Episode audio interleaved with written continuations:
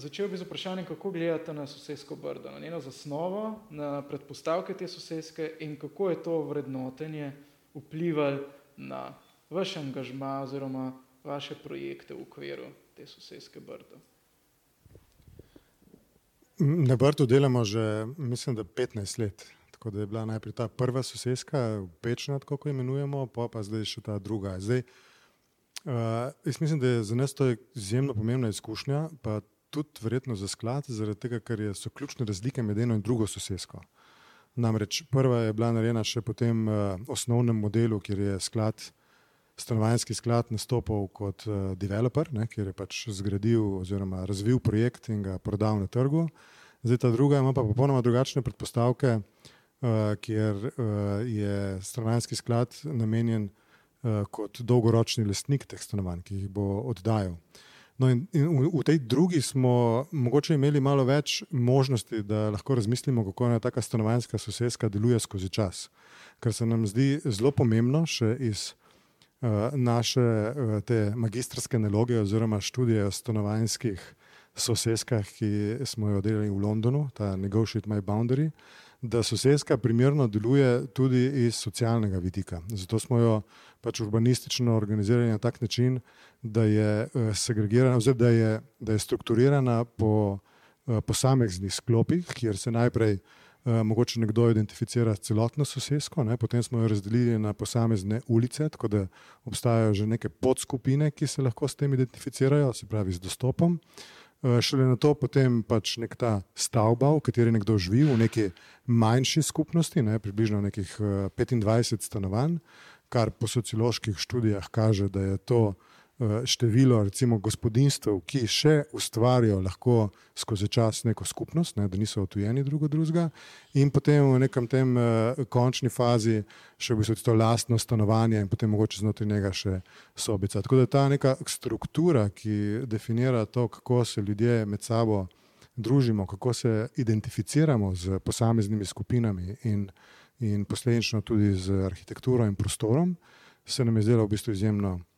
Eh, pomembna kot, kot nekaj, kar lahko definiramo in vpliva na dolgoročno življenje ene take sosedske. Ne? Uh, ja, bistvena razlika je še v nečem in sicer, da je Brdo ena posledica sicer javnega natečaja, ampak javnega natečaja z predefiniranim masterplanom, se pravi z zidalnim načrtom, na katerega arhitekti nismo mogli um, podati nobene uh, um, relevantne kritike. In uh, medtem ko je sosedska Brdo 2 uh, v bistvu posledica javnega natečaja dvostopenskega, ki je v bistvu omogočal najprej premislek na nivoju urbanizma in hkrati na nivoju arhitekture. Skratka, mi smo že z zasnovo sosedske Brdo 1 kritično pristopili k temu, kar smo hoteli v bistvu z konceptom pokazati, da ti kot arhitekt ne moreš razvijati relevantnih stanovanjskih tipologij na predefiniranem masterplanu.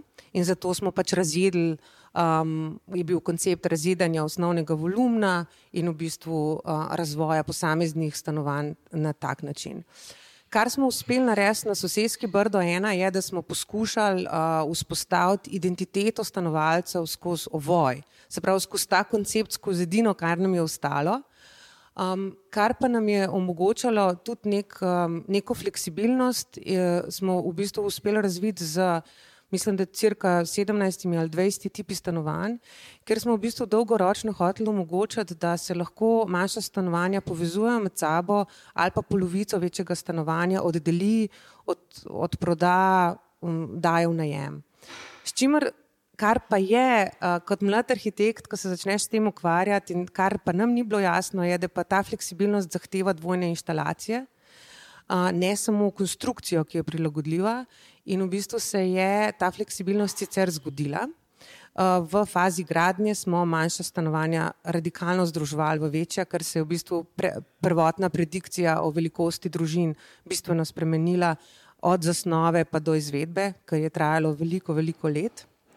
Um, in tukaj smo se marsikaj naučili. Se pravi, če si bi želeli kadarkoli to fleksibilnost razviti naprej, bi mogli že primarno imeti dvojno štetje za vodo, dvojno štetje za elektriko, se pravi, v tako investicijo pa uh, naročnik Slovanski sklad Republike Slovenije v tistem trenutku ni hotel.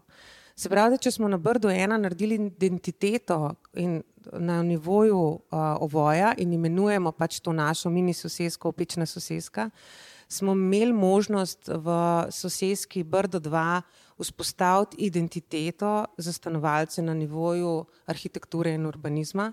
In smo pač razvili te široke ulice ali pa v bistvu linearne trge, o katerih je Aljoša že govoril, ki so mogoče malo mediteranski. Uh, um, mediteransko razumevanje javnega pač prostora in kamor so obrnjeni vsi vhodi in se lahko stanovalci posameznih blokov, ki se tam povezujejo, se lahko pač spoznajo in je v bistvu se na teh širokih ulicah, kjer ni avtomobilov, a, dogaja igra in v bistvu socialna interakcija. In se pravi, zasno, zasnova v, v objektov, ki določajo te široke ulice in um, je pa zelo specifična ta obulična zasnova, ki s tem totemom, vertikalnim, um, posebnim, monumentalnim stopniščem na nek način, čuden način definira, ki je vstop v to ulico in kjer se ta neka socialna skupnost um, enega segmenta, te velike sosedske, 500 teh stanovanj lahko zgodi. Še en pomemben premik, je, ki smo ga uspeli nekako speljati skozi, skozi to sodelovanje 15-letno eh, na tej sosedski Brdo. Namreč na prvem projektu, na natečaju, smo kljub temu, da so bila pač v natečajni nalogi zahtevana izključno samo stanovanja, predlagali, da ima vsak vhod uh, svoj skupni prostor. Se pravi, da je vsaka ta stan bodoča stanovanjska skupnost, teh približno 25 stanovanj, na voljo uh, skupni prostor, ki ga lahko uporabljajo na različne načine. Se pravi, da je to prostor, skozi katerega se potem tudi skupnost manifestira. In uh, uspeli smo pač dobiti prvo nagrado, kljub temu, da smo ponujali uh, nekaj, kar ni bilo stanovanje, ampak se pravi, je neprodajno na nek način na trgu, ne? ampak je dodana vrednost tistim stanovanjem, ki, ki, ki pač so jih prodajali. Uh, je bil to v bistvu še kar uh, pomemben uspeh za nas. Ne? In uh, toliko bolj mogoče še tudi zato, ker eh, se je eh, stanovanjski sklad potem odločil, da na naslednjem natečaju, na tem Brdu 2, skupne prostore že vključi v natečajni brief. In, in to se nam je zdelo v bistvu neka taka mala zmaga oziroma možen premik v tem, uh, v tem um, načinu razmišljanja, kako se mora neka stanovanjska sosedska odgovorno razvijati naprej. No, tako da v tem drugem natečaju smo potem poskušali iti mogoče še nekoliko dlje in smo uh, v bistvu predlagali nekoliko večje kvadrature skupne teh, teh uh, prostorov in razporedili smo jih po celotni sosedski. Ne? Tako da je en skupni prostor za 500 stanovanj, vendar da ima uh, vsaka manjša skupnost, se pravi vsaka stavba, svoj skupni prostor, ki pa uh, že postane prostor medijacije med javnostjo, in zasebnostjo neke mini uh, stanovanjske skupnosti. Kar pomeni, da ta prostor ni zgolj namenjen, oziroma je njegova uh, možnost uporabe razširjena ne samo na interno uporabo, ampak lahko tudi na eksterno uporabo. Tako da se lahko stanovanjska skupnost tudi sama organizira in začne ponujati mogoče enkrat v prihodnosti tudi neke storitve skozi ta prostor in začne ustvarjati svojo, svojo neko lastno mikroekonomijo.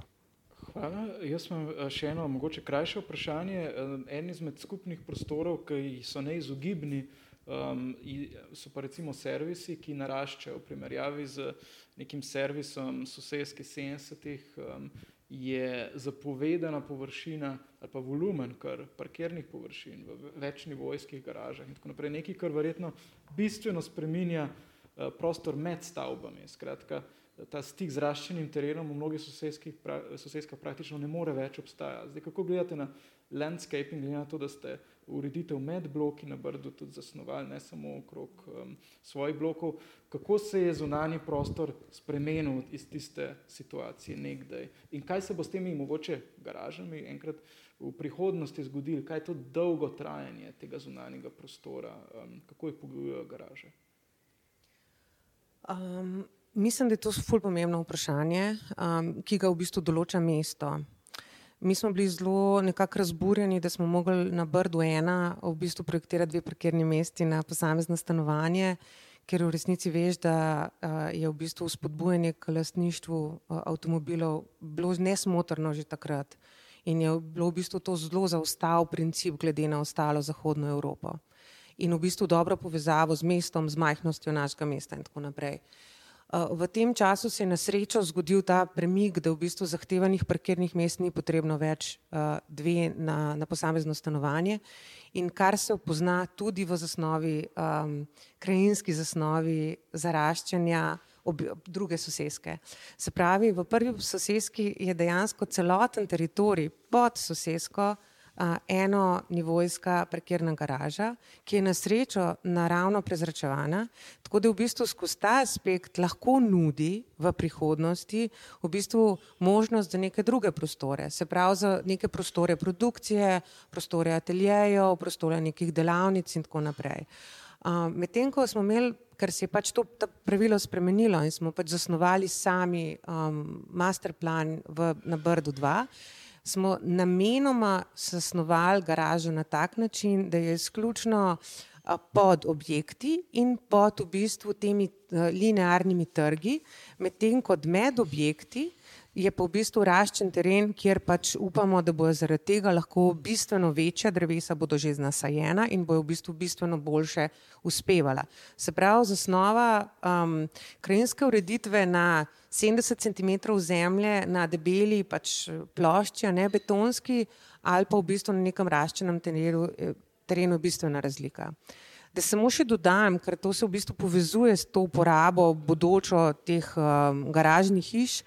Kar nas res veseli, je to, da imamo možnost um, gledati, kako se sosedska Brdo ena razvija in kako v desetih letih, kaj se z njo dogaja. Ker smo na gradbišču čez cesto, smo tam zelo pogosto. In v bistvu nam je bilo zelo veselje videti, um, kako funkcionirajo, zuna, kako zunanja ureditev funkcionira, kako je drugačna, kako drugače funkcionira ob sobotnem sončnem vremenu ali pa v bistvu popovdne, ko se otroci sami vrnejo iz šole. Drugo, kar smo opazili, kar, um, da dejansko, kar smo upali, da se bo zgodilo s temi skupnimi prostori, o katerih je Ljoša govoril, je šlo v bistveno bolj pozitivno, kot smo si mi kadarkoli sanjali ali pa želeli in nam ni v bistvu ne naročnik, ne nihče drug verjel, da bojo dejansko se te prostori tako uporabljali.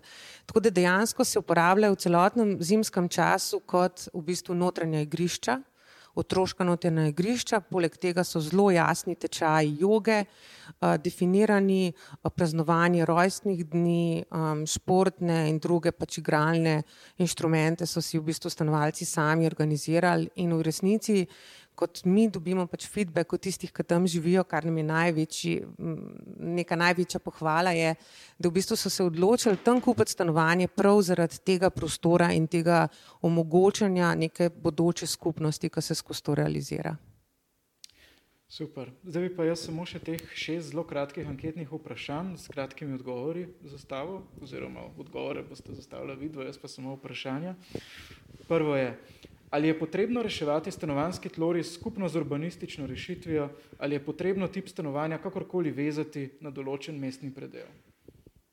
Stanovanski tloris oziroma tip stanovanskega tlorisa je neizogibno povezan z urbanistično zasnovo sosedske, urbano zasnovo sosedske. Ker uh, tipologija stavbe uh, neizogibno pač definira, na kakšen način se lahko prestanovanski sloris razvija. Tako da iz te naše izkušnje med prvim in drugim natečajem je uh, v bistvu popolnoma jasno, da se v predefiniranem, nepremišljenem urbanističnem planu v bistvu uh, možnosti stanovanjskega razvoja, stanovanjskega tlorisa, ki bi lahko premaknil neko, eh, neko videnje, kako ljudje bivamo, zožijo na neke minimalne možnosti.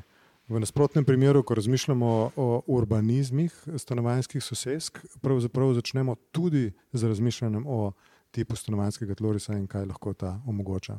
Glede na vezave tipa stanovanj na, na posamezen del mesta, Uh, jaz mislim, da se mesta v bistvu preveč hitro razvijajo uh, in dinamično razvijajo, tako da uh, bi pravzaprav mogel biti ta tip stanovanjskega tlorisa uh, v bistvu neodvisen od mesta, ampak bolj, oziroma neodvisen od lokacije v mestu, ampak bolj odvisen od, uh, od tega, kaj, um, kaj se v bistvu s to konkretno stanovanjsko sosedsko, ki se jo projektira, želi doseči in um, kakšno recimo, socialno diverziteto bi morala taka sosedska ponujati.